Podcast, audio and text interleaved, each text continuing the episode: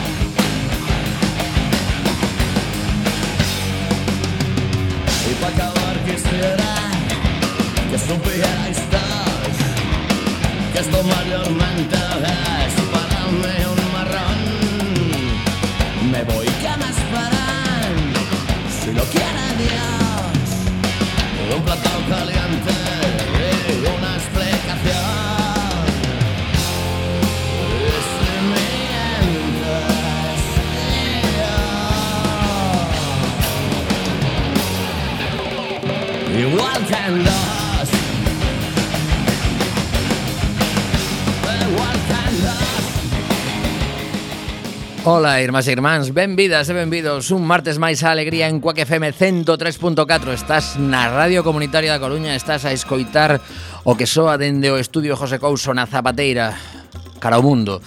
E temos que dicir que hai moitísimas cousas interesantes no programa de hoxe Aínda que non temos entrevistas. Unha das cousas que nos mola moidísimo. Mandamos un bico a Isa Lema Agardamos falar con Bea Ulalume ao longo do programa, pero nesta ocasión a Econova será telefónica e sí que temos a Mr. Bugalú nos mandos técnicos preparado para compartir contigo 57 minutos de pura radio. Hola Mariano, que tal? Porque aquí andamos, aquí andamos lonxe, non? Estaba lonxe. Estabas lonxe, pero agora xa chegaste. Agora xa estou aquí. Chegou dende Coruña a Zapateira en directo Tomi Desastre neste micro número 4. Eh, a verdade é que é un placer unha vez máis compartir a mesa coa xente tan nova que marchaba hai uns minutos do programa A fume de carozo.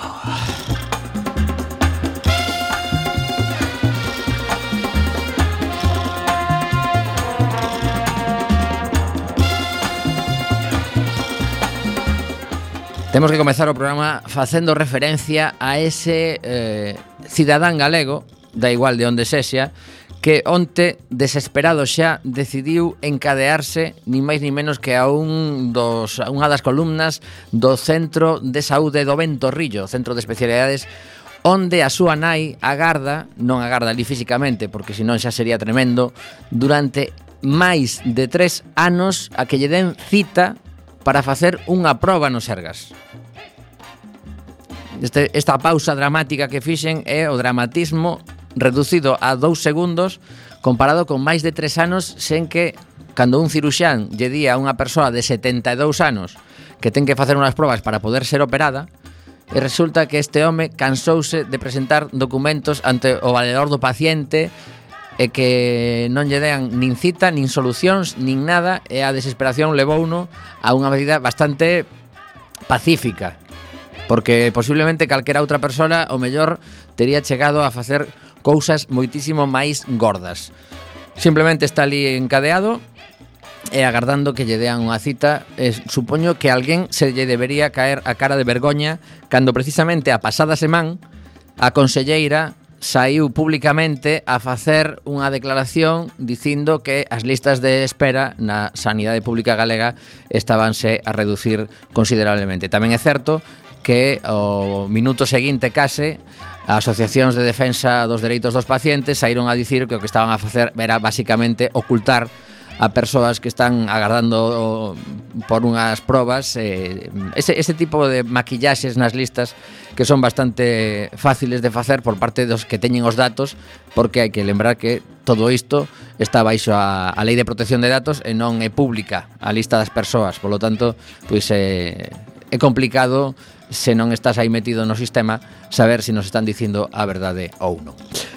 E antes de comezar cos contidos habituais do programa, permitideme que faga referencia tamén a outra eh, pois concentración ou marchas espectaculares que tiveron lugar estes pasados días en Estados Unidos, eh, esas Women's March que deixaron abrallado a, a gran parte do, do mundo porque reclaman esa, esa dignidade que, que que se precisa cando un novo presidente do teu país decide arrasar con todo escoitamos voces super interesantes eh, eu compartía tamén no, no Facebook o que dicía Angela Davis a, a activista polos dereitos humanos dos anos 60 que volveu ás pantallas digamos neste nesta concentración.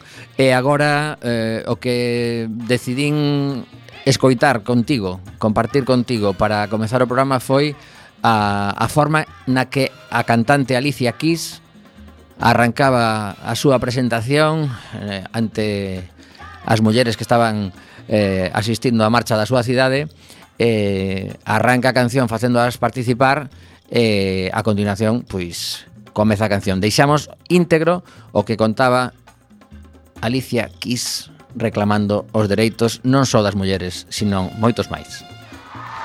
Ladies and gentlemen, are we here? Are you ready to march? Say yes! Out of the huts of history's shame, I rise. Up from a past that is rooted in pain, I rise. I'm a black ocean leaping and wide, welling and swelling, I bear in the tide, leaving behind nights of terror and fear. I rise into a daybreak that is wondrously clear. I rise, bringing the gifts that my ancestors gave. I am the dream and the hope of the slave. I rise. Now I know you've been hearing a lot of talking and we all have so much to say inside of us. We just I just want to thank you so much for your courage. Thank you so much for your womanliness. Thank you so much for your strength. Thank you so much. Let us continue to honor all that is beautiful about being feminine. We are mothers. We are caregivers. We are artists. We are activists. We are entrepreneurs, doctors, leaders of industry and technology. Our potential is unlimited. We rise. We rise. We will not allow our bodies to be owned and controlled by men in government or men anywhere for that matter. We will not allow our compassionate souls to get stepped on. We want the best for all Americans. No hate, no bigotry, no Muslim registry. We value education, health care, and equality. Mm. We will continue to rise until our voices are heard, until our planet's safety is not deferred, until our bombs stop dropping in other lands, until our dollar is the same dollar as a man's. And we continue to recognize that yes, we can. Until everyone respects Mother Energy and everyone with a belly button must agree. So I need you to repeat after me. We are here. We're here. We're on fire. We're on fire. Living in a world. Living in a world. That's on fire. on the ground. Not backing down. Feet on the ground. Feet on the ground. Not backing down.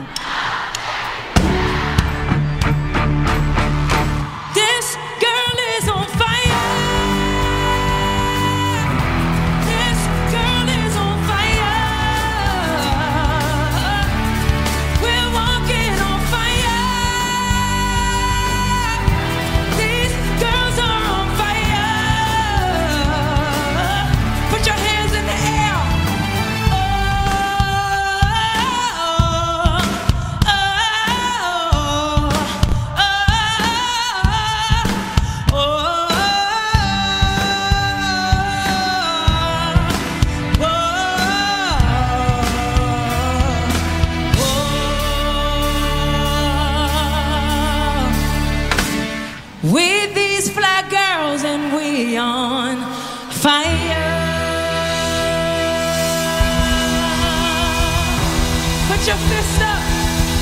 Put your fist up. Put your fist up. I see your strength. I see your strength. We fear you.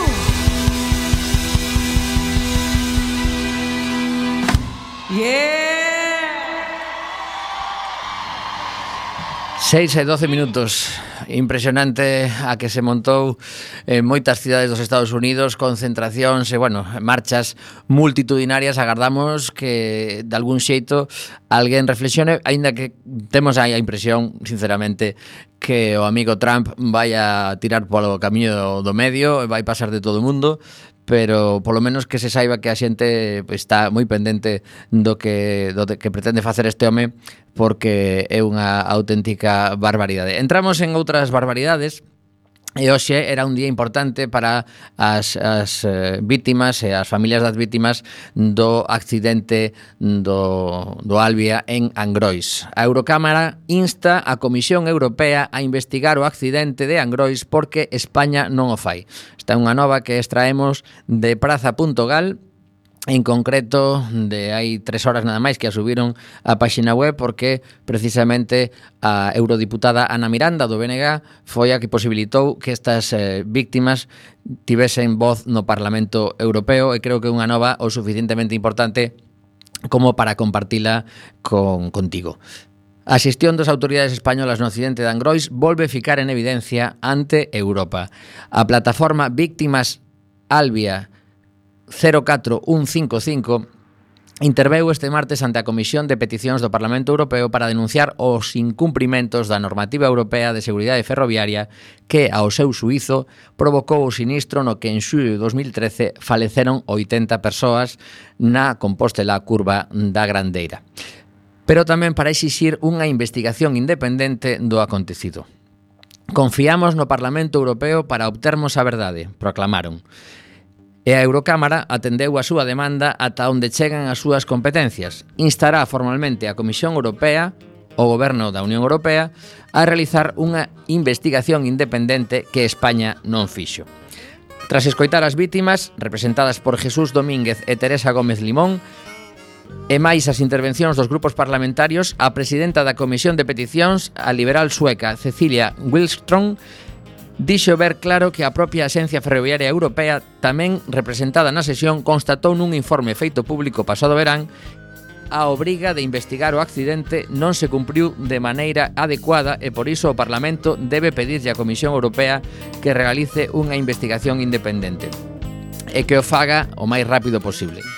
O executivo que dirixe eh, Jean-Claude Juncker engade Willstrom ten a obriga de tomar este tema ferroviario en serio e volver á Eurocámara cunha investigación independente.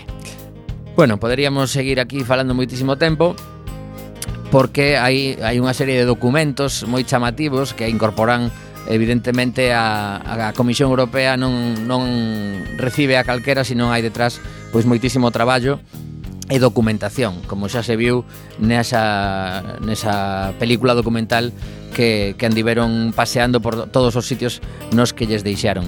É dicir que, bueno, pues, eh, si entrades en praza.gal teredes eh, pantallazos de diversos documentos nos que se lle avisa eh, a, sobre a falta de seguridade na liña Ourense-Santiago pola desconexión do freado automático que amosaron precisamente estas víctimas ali en, en Bruselas.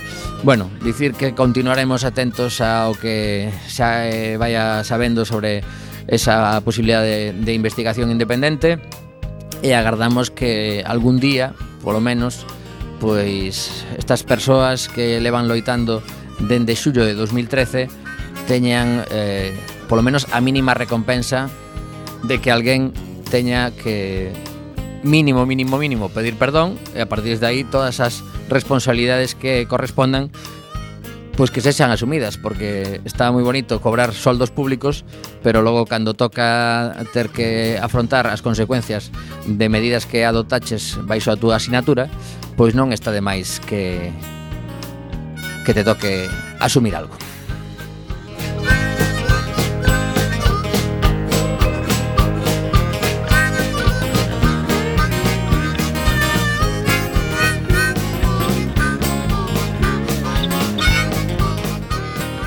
Voltamos de excursión á nosa cidade e dicir que aquí pois eh, continúan eh, as negociacións, ou polo menos parece ser que se ven as caras entre o Partido Socialista e a Marea Atlántica, o que pasa que mm, despois de máis de 10 días agardando por unha nova xuntanza dos orzamentos de 2017 eh, o Partido Socialista eh, pois solicitara este aprazamento das negociacións debido ás dúas dimisións que tivo dentro da, da, do organigrama do partido digamos que tanto a secretaria xeral Mar Barcón como o portavoz no Concello da Coruña o señor da Pena dimitiron dos seus cargos estiveron agardando a ter un novo presidente da xestora local, neste caso Florencio Cardador, xa hai un, unha persoa aí ao frente, o que pasa que, polo visto, a xestora dende de Madrid debería ter nomeado a unha dúcia de persoas máis que aínda non se coñecen. En que fase estamos? Pois que onte quedaron para verse os representantes do goberno municipal, segundo indican a, na prensa, pois estaba Xosé Manuel Sande e o alcalde como cargos electos e pola banda do Partido Socialista Fito Ferreiro e eh, José Manuel García. Eh, ao rematar a xuntanza, nalgo que pois deberían ter traballado todo este tempo, semella que non houbo ningún tipo de avances, mañán eh, teñen previsto reunirse de novo, sería xa o, o último día, segundo indica o alcalde, para que haxa algún tipo de visos de acordo, e senón convocaría directamente para a vindeira semana antes de que remate este mes de xaneiro, tal como se comprometera, pois unha moción de confianza, é a, o termo exacto. Sí, é unha é un, vamos, é, é unha moción de confianza xunta aos orzamentos. O procedimento é o seguinte: o, o goberno municipal leva ao pleno unha, unha moción de confianza vencellada a estes orzamentos de xeito que se nun plazo, penso que uh, dun mes non se uh, unha maioría alternativa que, o sea, que supo, o reemplace supoña, no supo, goberno. Un momento, supoñemos que o vindeiro mm, martes ou mércores ou luns antes de que remate xaneiro eh, presenta esta moción de confianza e se non se aproba o se si, si non, si non obtenga confianza suficiente entra hai un novo goberno hai, podería haber un novo goberno se si no, chega no. un acordo. Se hai se, se, se non se aproba moción de confianza, teñen teñen que haber teñen teñen, teñen que eh, se teñen se ten que aprobar un novo goberno no prazo dun mes. Para iso ten que haber algún candidato ou candidata. Evidentemente. Alcalde eso co, depende, equipo Eso depende do Partido Socialista, evidentemente. Segundo Lin eu, terían que eh, presentar 14 sinaturas, que é a maioría absoluta, conforme hai alguén que ten ese respaldo. Ou 14, 14 apoios para, bueno, para teñen, que cambie. Teñen un mes para iso. Vale. Teñen un mes sea, para mm. iso eh, en caso de, de, de que non ter a maioría alternativa nese mes aprobaríanse os, os orzamentos eh, uh -huh. tal e como presenta o equipo de goberno eh, e todo seguiría e todo seguiría igual, igual como un, un mes máis tarde, pero igual. Que era un mes máis. Bueno, un, igual non, co asunto resolto. Xa. Bueno, pois pues nada, a ver que pasa nesa xuntanza de Quero mañán. que teríamos orzamentos, sí. el goberno. Sí, sí. Claro. A finais de febreiro. A finais de febreiro. Vale. Bueno, pois pues, eh, seguiremos pendentes. Eh, ao, ao mellor, tendo en conta que o, o luns, se si non me equivoco, xa é día 30, pois eh, xa nos meteríamos en principios de marzo, porque como febreiro é de 28 días, ainda haría 30 días aí. Bueno, non sei como é o bueno, tema. non sei como a ordenanza, a ordenanza é un mes, non son 30 días, é un vale, mes. Un mes eh, natural. Claro. Bueno, bueno, pois pues, poñe 28 de febreiro. Bueno, pois nada, que continúa aí a festa e outra das festas que están montadas no noso concello, como xa falamos aquí, no seu momento con calma é o tema da posible subasta dos terrenos da Solana e tamén do edificio do Hotel Finisterre. A última nova que publica hoxe mesmo La Opinión a Coruña di o seguinte, titular Puertos del Estado dispuesto a que zonas de la fachada marítima sigan siendo públicas. Esta é a típica frase que lanza eh, José Llorca, o presidente do organismo estatal, pero realmente isto de disposto a que zonas de fachada marítima sigan sendo públicas quere dicir que hai outras zonas que non o serían, ou que quere dicir exactamente. Os responsables de portos do Estado amósanse abertos a que algunhas zonas, isto entrecomillado, algunhas zonas da fachada marítima que son propiedade do porto comillas de novo, manteñan a súa titularidade pública. Iso non quere dicir que pasen a mans do municipio, senón que podrían seguir sendo propiedade da autoridade portuaria. Porque di manteñan a súa titularidade pública. Mentres non privaticen a autoridade portuaria Que penso que tal e como levan a furia privatizadora Será o seguinte. Eh, Claro, o mellor o que fan é mm, patada a seguir. Non, a ver, isto é un queda ben. Uh, A min é a impresión que me dá mm, Como, como se percibe que eh, xera un, xera un gran rexeitamento por parte da, da xente da Coruña a privatización destes espacios destes espazos costeiros. Incluído o propio Grupo Popular na cidade que bueno, o Grupo Popular tamén o Grupo Popular na cidade tamén vai un pouco de boquilla eh, para evitalo porque eh, eh, a ver, son vagos de cocodrilo, o sea, se o, o quixera ter evitado simplemente con non facer a, desa, a, a, o cambio do do, do plan, claro, claro, do planeamento do, do, planeamento, do peixón, famoso. Claro. Eh, pois pois o, tire, o terían evitado perfectamente. Uh -huh. Se no se se propiciaron que se pudiese facer esta operación, agora non vale chorar, non? Quero dicir, É un pouco mm, mm, aquí ninguén que levar a culpa, basicamente é o que pasa, non? Yeah. Que nin a autoridade portuaria quere levar a culpa, nin o Partido Popular no Concello quere levar a culpa Pero por moito que nin sequera o Partido Socialista que chegou ao acordo coa autoridade portuaria en tempos de, de regalarlle a fachada marítima da cidade a, a cambio de cartos para sufragar o porto exterior curiosamente ninguén dos que teñen a culpa queren levar a culpa. Un e agora clásico. andan eh, escapando e botando a culpa a quen non a ten, non? Sí. Que, que é o habitual.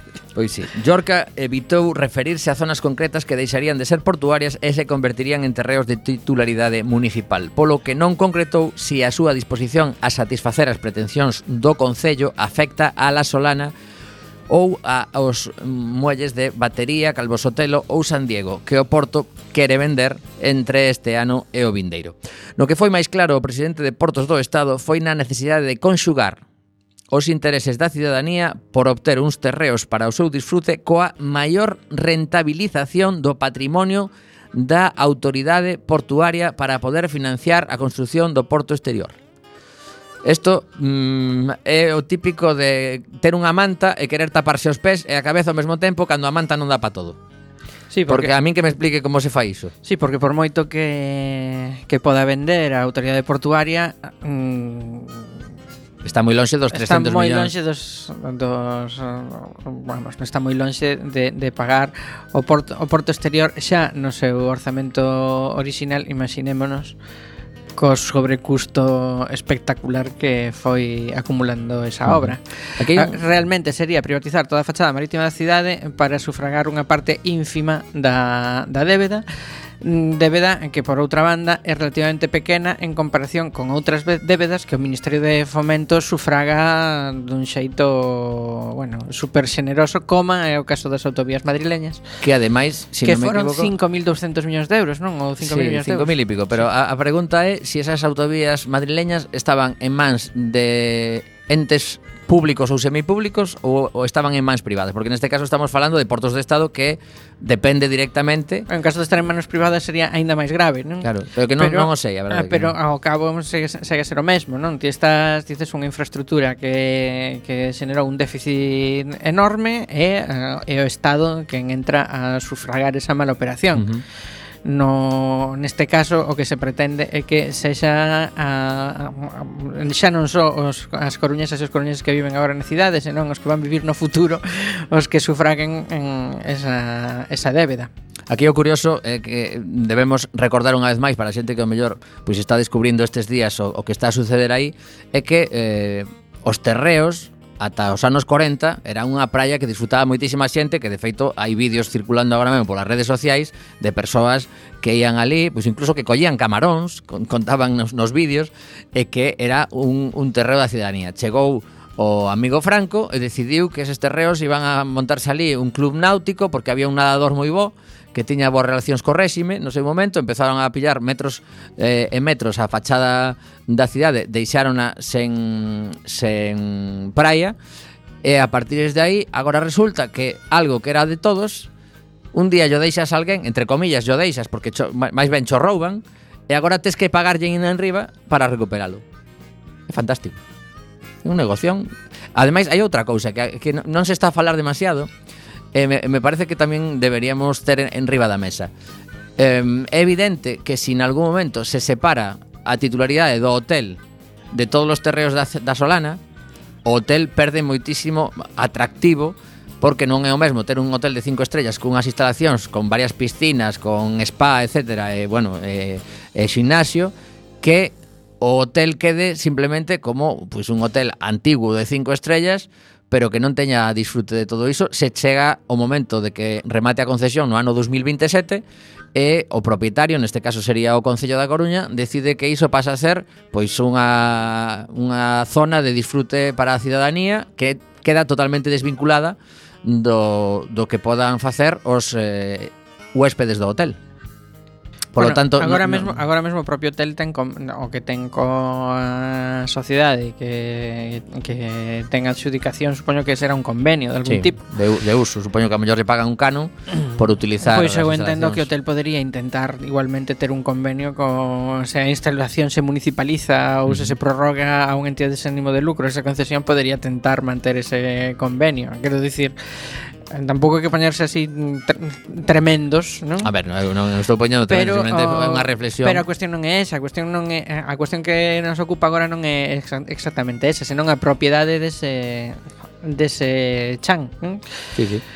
Porque claro, non é o mesmo que que finalmente sega, o sea, continúe sendo público a que poda vir calquera a a facer o que lle pete, bueno, o que lle pete o que lle permite o plan urbanístico ali. Uh -huh. De todos os xeitos, isto non é máis que unha fracción dun problema moito máis grande. Como dicía o presidente de Portos, claro, podemos ceder, claro, eh, o, a mensaxe, podemos ceder un pouco nesto de la Solana, pero Carlos pero... Sotelo batería é San, é San Diego. En San Diego é onde están previstos os edificios máis potentes. Claro, eu supoño que sobre todo San Diego, eh, claro, que eh, hai que decatarse, o sea, se, que se as coruñesas as coruñeses nos mentalizamos de onde están eses eses peiraos, eh, a posible intercomunicación que teñan eses peiraos, se, por exemplo, se se puxera unha estación de cercanías en San Diego, bueno, un, toda unha serie de cousas, non?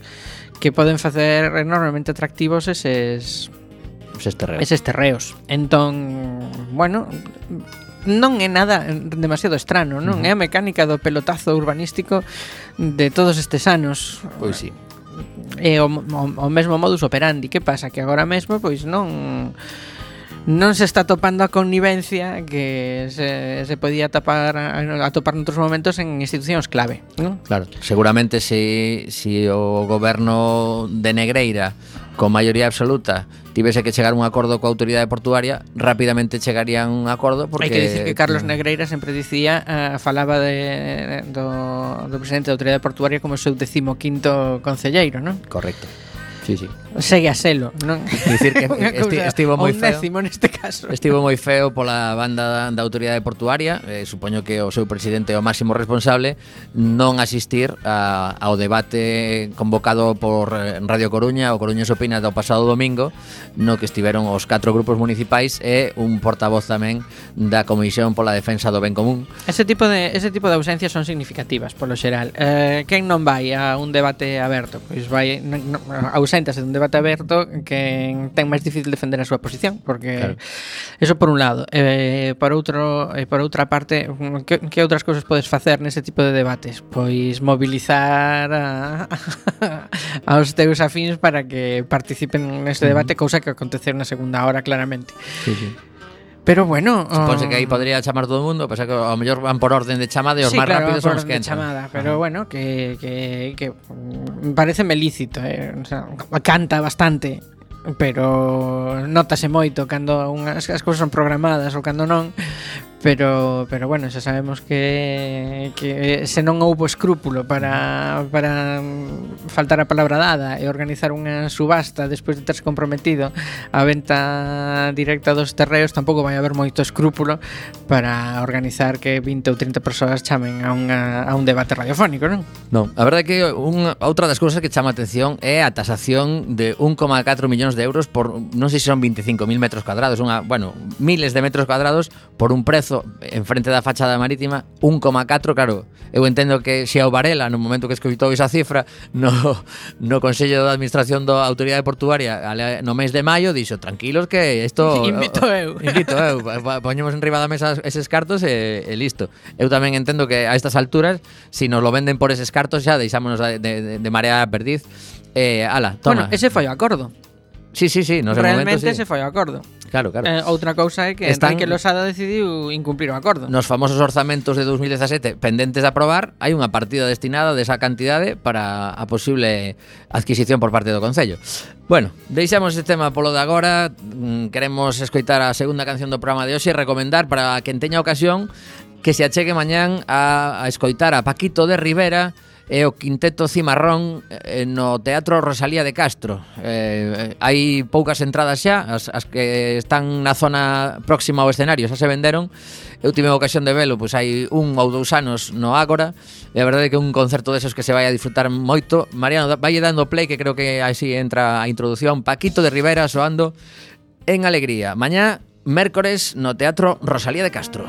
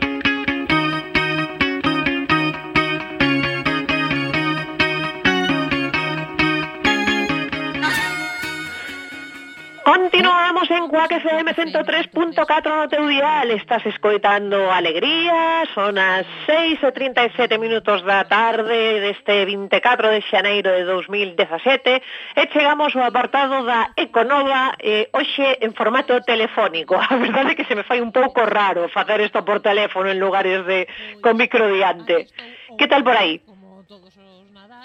Hola, hola. Eh, resulta que... hola, Bea, que tal? Es que estábamos, estábamos flipando porque, ademais da sintonía, había como un audio por abaixo que tamén era da Iconova. Entón estaba soando por duplicado, por teléfono e eh, aí polo baixiño. Pero... Me parecía a mí que, ¿verdad? Eh, digo, digo estou escoitándome con eco, pero eu non dixen iso. Pois sí, pois sí. Pois, pois aí sigue Mariano buscándote no ordenador. No, no, sí, di, di que acaba de localizarte. Xa, xa queda soa co teléfono. Bueno, eu tamén estou aquí. Vale, vale. eh, ben, pois imos entón coa econova de hoxe. Eh, por se non vos distes de conta que igual andabades despistados e non, Como que non chove moito últimamente. Temos unha inusual seca en Galicia. Sí, sí, preocupante Sí, moi preocupante. Eh, contannos en elpaís.com que tras o verán máis seco dende 1981 eh, un outono, oh, no, un outono segundo a Xencia Estatal de Meteoroloxía cun 40% menos de choivas que a media histórica en inverno xa é que prácticamente non choveu nada, caeron catro gotas, como que en di. Eh, contannos que as dúas demarcacións hidrográficas galegas, eh, que son Galicia Costa e Miñosil, están en prealerta cos encoros nunha media do 45% da súa capacidade. Augas de Galicia mandou un aviso a empresas a particulares para que extremen o consumo responsable e mentres Os pobos, os, os pobos afogados durante a ditadura recobran a vida aos fins de semana cos veciños que voltan e con turistas que acuden a fotografiar as aldeas reaparecidas o encoro de fervenza entre, bueno, preto de Mazaricos, por exemplo, está máis ou menos no 20% da súa capacidade, deixando ao aire un enterramento megalítico en Bañas, en Vimianzo, que conserva aínda en pé algunhas pedras dun dolmen que o coronaba. No embalse de Belesar, que é o máis extenso do Miño, está o 25% da súa capacidade, deixou aire enchantada os bancais do fondo do Val na Ribeira Sacra, que é unha técnica de cultivo da vid que se fundou eh, co Imperio Romano. Eh, tamén aquí saíron a flote eh, os restos de Castro Candaz, que é unha das maiores reliquias de Galicia baixo a auga dulce, A cima afloraba os veranos, pero non se podía chegar, pero agora o, o nivel baixou tanto que emerxeu o itmo que o comunicaba ata tal punto que a veciñanza da zona teme que o aluvión de visitas que está recibindo acaba por acabe por derruir uns muros milenarios que curiosamente ata aquí a auga preservou. Por certo, hai fotografías impresionantes disto, se buscades por, por internet, non sei, en praza pública, por exemplo, hai algunha foto de, de este castro de, de de Chantada do embalse de, de Belesar eh, e vale a pena, vale a pena velo porque é, é increíble pensar que no seu momento decidiron que era pouco importante dixer todo iso asolagado. Sí, como a praia do Parrote, máis ou menos. Se, máis ou menos. Na outra punta do mesmo encoro de Belesar, o bello povo portomarín que desapareceu en 1963 da man amable de Fenosa, saiu para saludar co sea, co seu puente, os seus camiños e incluso os nichos do Campo Santo en perfecto estado. Eh, tamén eh, na Ceredo, en Ourense, o en Coro do Lindoso ronda o 20%, e eh, aí eh, había cinco povos eh, e a xente que vivía ali no seu momento pois anda agora de visita. Entón, eu podería dicirvos, ben, para unha vez que temos esta situación, pois mm, non deixa de ser anecdótico, se tendes interese en ir ver estes encoiros tan baleiros, pois mm, non deixa de ser eso, un, algo interesante achegarse, ver este castro e ver estas cousas, pero igual non fai falta correr tanto, porque como total agora temos a novo presidente do mundo coas súas ideas de que o cambio climático e todo isto son chorradas e tal, e, e ir a cañón con todo o que sexa mm, sacar pasta, porque parece ser que a pasta, non sei, chega un momento en que se pode comer ou se pode respirar ou algo, eh, é millor que pensar no medio ambiente. E nos contan que a páxina web da Casa Blanca eliminou toda a súa información acerca do cambio climático. A páxina web oficial da Casa Blanca dos Estados Unidos eliminou todos os detalles acerca dos plans de goberno do expresidente Obama. Entre eles atopábanse o seu plan para atacar o cambio climático, tamén o seu programa de saúde e unha web adicada á comunidade LGTB do país. Todas as referencias ao cambio climático e o quencemento global foron eliminadas da web e a partir de agora a sección relacionada ao Plan Enerxético Nacional amosa información eh, acerca da estrategia proposta polo novo presidente Donald Trump. Isto ven sendo máis ou menos como cando nos dá pereza limpar na casa e metemos debaixo da alfombra. Sí, máis ou menos, ou, ou peor todavía, porque neste caso o que están é retirando todo o que estaba atrás para poñer cousas novas, pero que non son igual tan importantes, porque mira, ata o 20 de enero na páxina web pois, eh, se facía énfasis no plan conxunto entre Estados Unidos e China para reducir a contaminación, protexer o medio ambiente, eh, e agora o do que fala é do que lle chaman eh, o America First Energy Plan. E di así, durante moito tempo temos sido retidos por regulacións moi severas coa nosa industria enerxética. O presidente Trump comprométese a eliminar as políticas daninas e innecesarias da administración anterior, tales como o plan de acción climática. Ou seja, que nesas estamos. Eh, tamén anuncia que planean aproveitar os miles de millóns de dólares en reservas de petróleo e gas natural que se atopan en terras federais. Ollo, estamos falando de tema fracking e cousas así. Uh -huh.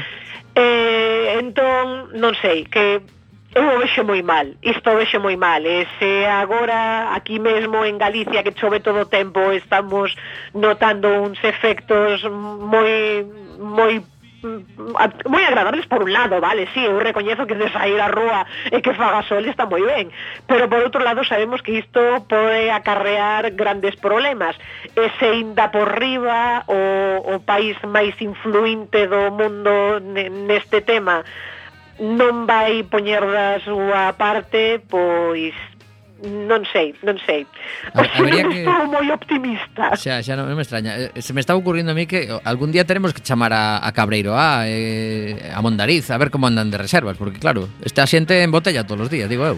Pois pues a verdade é que sí. Pensaba que estabas dicindo que teríamos que chamar a Donald Trump para que nos dé algunhas explicacións. Sí. Non, esta, estaba justo entrando na, na página web do goberno americano. Por lo visto hai un truco porque eh, os americanos son moi organizadiños Eh, no, o escoitei outro día na radio, pero ia no coche e non me quedei co tema. Entón, si pos antes do da páxina sí, web, pos como Creo o goberno número 44, no, algo así, no, no título hai unha parte como que pone Trump e outra pon eh, a podes cambiar por Obama ou algo así, non si non sí, lembro exactamente como vai o, tema. Ou o número de presidente, un sí, 44, sí, sí, pode algo ser así. Iso, sí, pode sí. ser iso, cambiar só o número de presidente.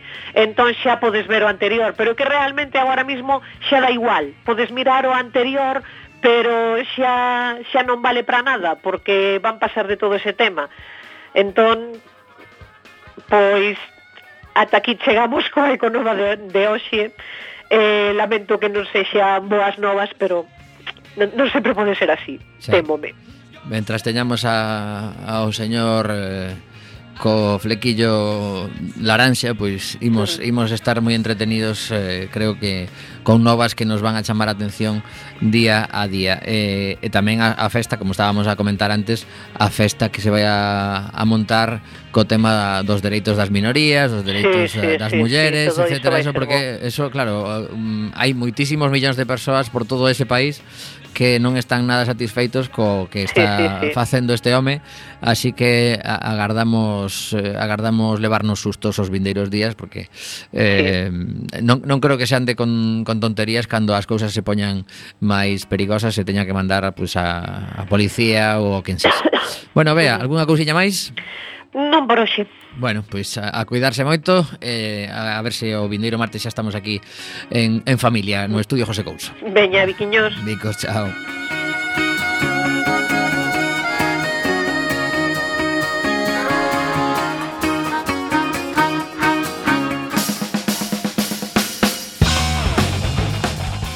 10 minutos exactos nos quedan para rematar o, o programa de hoxe e a verdade é que unha desas novas que está traendo algo de cola, pero seguramente podría traer moitísima máis, é a viaxe que fixo hai uns días o noso monarca Felipe VI para chegar a acordos cos árabes, con Arabia Saudí en concreto, porque hai moitos cartos por ali e queren moitas armas. Esas armas as empregan, pois, entre outras cousas, para facer masacres en Yemen, segundo está bastante documentado, parece ser, por parte de moitas organizacións de dereitos humanos, e eh, atopei, estive buscando algunha grabación, de feito hai unha entrevista en La Sexta co señor de Guindos que di, non imos ser tontos, se, os de, se, se non o vendemos nós, van o vender outros. Foi o que lle dixo para justificar a venda de armas a Arabia Saudí en, en, la sexta, creo que era Ana Pastor precisamente.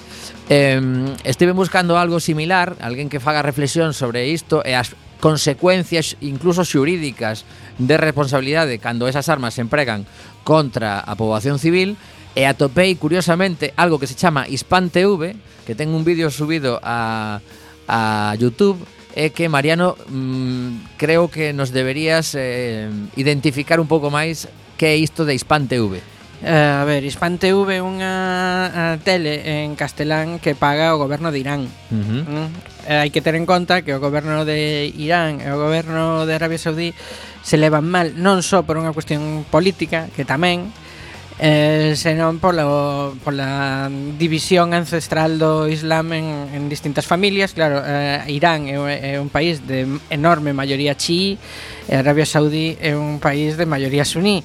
Digamos que Home, ben, ben non se levan. Uh, por non, exemplo... Non quedan para botar unha petanca e tal. Non, a ver, para que te facas unha idea, a guerra de Siria, pois o que subxace realmente todo ese conflicto uh, é este, que é o mesmo dende, dende os primeiros anos do Islam. Quero dicir, non é un non é un conflito de último momento, eh? Isto uh -huh. é unha cousa que, claro, cando cando os medios occidentais dende o máis puro etnocentrismo din aquelo de que es que los musulmanes, non, pois mira, a ver, musulmanes hai moitos, musulmanes hai moitas eh, faccións dentro do mundo musulmán e non é o mesmo, aínda que poñan bombas, non é o mesmo eh, Hezbollah que ISIS máis ben son todo o contrario. Uh -huh. Claro, eh, eu sei que hai xente que lle custa un pouco comprender isto, pero que teñamos que teñamos en conta que é información de parte, igual que moitas veces a meirande parte da información que chega de Oriente Medio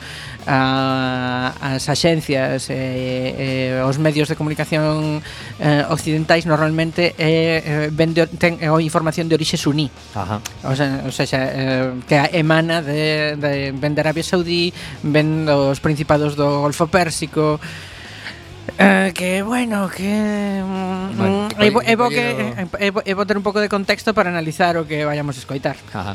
Bueno, pois eh, o que escoitamos é a voz do, do locutor do programa, o do presentador do programa que ten eh, acento claramente latino e fa unha chamada a unha especie de corresponsal ou comentarista que está en España que fala sobre a venta destas eh, armamentos e, e barcos de guerra a Arabia Saudí. A ver que se contan. Hispan. Y siguiendo con este tema y para continuar desarrollándolo, está con nosotros ya el analista internacional Luis José Fernández, quien muy amablemente, como siempre, nos acompaña desde Madrid. Hola, señor Fernández, ¿cómo ha estado? Y quiero preguntarle cómo evalúa usted el avance amplio de relaciones con Arabia Saudí en la política exterior de España. Bueno, hay que decir que el acuerdo de armamento que prevé la venta de cinco barcos de guerra Arabia Saudí llega en un momento eh, muy difícil por cuanto que en varios países eh, como el Reino Unido se está desarrollando una campaña a favor del boicot de armas a Arabia Saudí por cuanto que este régimen está cometiendo graves violaciones contra los derechos humanos del pueblo yemení, eh, no solamente a través de bombardeos aéreos, sino también mediante un bloqueo naval que impide pues la llegada de alimentos, de medicinas a Yemen y está causando estragos entre la población civil, especialmente entre los niños. En este sentido, pues la venta de armas de cualquier país, no solamente de España, sino de cualquier otro país, pues es algo negativo, es algo además que eh, lleva al Estado vendedor a contraer una responsabilidad en el tema de, los crímenes de guerra que lleva a cabo el régimen saudí y el hecho de que haya una compensación económica nunca justifica pues un, un crimen, ¿no? Como sería pues la utilización de estos barcos españoles en ataques contra la población yemení o en, en la, el reforzamiento del bloqueo de medicinas, alimentos, etcétera, a la población de Yemen. Por tanto, es un hecho eh, condenable. También así han hablado algunos eh, expertos, por ejemplo, el señor Alberto Esteve, de una ONG llamada Armas Bajo Control, pues ha advertido al gobierno español que este paso pues viola la legislación de la Unión Europea y también el Tratado de Comercio de Armas que impide exportar armas a países en guerra o países que cometen violaciones de los derechos humanos.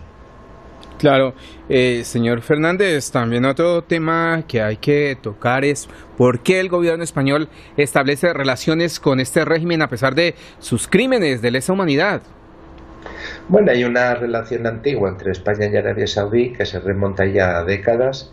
En este sentido, yo creo que hay un móvil eh, fundamentalmente económico. Es decir, como ha dicho el ministro de Economía, pues el gobierno español eh, está apoyando la venta de estas armas por razones puramente económicas, cuando en este caso pues eh, no debe olvidarse que la economía nunca puede justificar, como he dicho antes, la violación de, de la Carta de la ONU, la, muchos tratados de comercio de armas, incluyendo la legislación española y también la legislación europea que prohíbe la exportación de armas a países en guerra.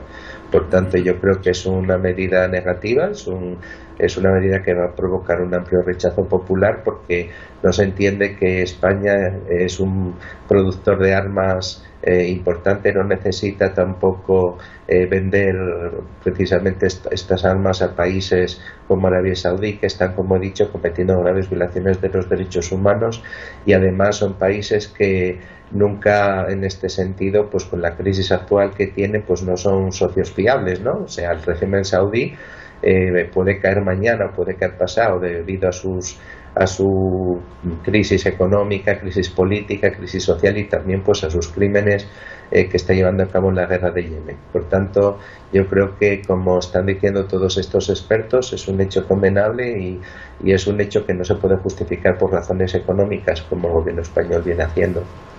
Claro. Muy bien, es Luis José. Ben, pues esto era o que comentaba uh, nesta televisión iraní un pois pues eso, un comentarista que teñen eh, dende Madrid que facía referencias moi interesantes, aínda que na, na última parte Mariano e, e Maiseu pois non temos tan claro que o goberno de o réxime de Arabia Saudí vai a caer en breve. O goberno pode caer, pero o mm, réxime, o réxime é moi difícil, sí, eh, sí. aínda que a ver, entre outras cousas porque porque os rexímenes que poden utilizar a forza sen límite e sen, e sen ningunha reconvención a principio a nivel internacional que é o caso de Arabia Saudí porque en Arabia Saudí xa sabemos que os dereitos humanos pois van como van sin que selles a fea conducta demasiado, non? Non, non, que ali vai o noso monarca pois, a tomar o pois- té. Feliz. Pois quero dicir, mentras teñan tanto tanto petróleo, non van ter demasiado problema. O problema van ter eh, cando cando o petróleo sexa menos importante. Xa. Ou cando non teñan tanto. Pois sí. E rematamos o programa de hoxe, nos queda exactamente un Bueno, hai un, un dato, hai un dato sí, interesante sí. que eh, Arabia Saudí é un dos países do mundo que eh, máis inviste en armamento un, está entre os cinco primeiros, non me lembro agora exactamente de, de que posto é. Eh? Que para un país tan pequeno Sí, sí. Pois penso que é significativo. Cando mercas tanto será porque prensas utilizalo, mm. porque para, para almacenar bueno, o está utilizando o sea, por un lado e, e por outro lado o, está seguramente e, bueno, mm, con outras aventuras, quero dicir Um, a ver, non, non quero dicir que algún, non son un experto en, en, en te, no tema, non quero dicir algunha animalada, non? pero bueno. Bueno, pois eh, pues, en estes últimos segundos unha nova que me ten abraiado os pelos de punta porque calquera que entre a comprar un dron por internet sabe que costa, pois, hai varias cantidades, pero a Xunta de Galicia convírtese no primeiro cliente de Rozas, o Centro de Investigación Aeroportada de Rozas, cun pedido de sete drones por 14 millóns de euros. Home, drones, drones, eh? hai drones de todo tipo. Estes son drones de 2 millóns de euros. Dos vos, dos, dos de Toys R Us caros. Eu quero ir nun dron destes. vale. Ata a vindeira semana. Chao.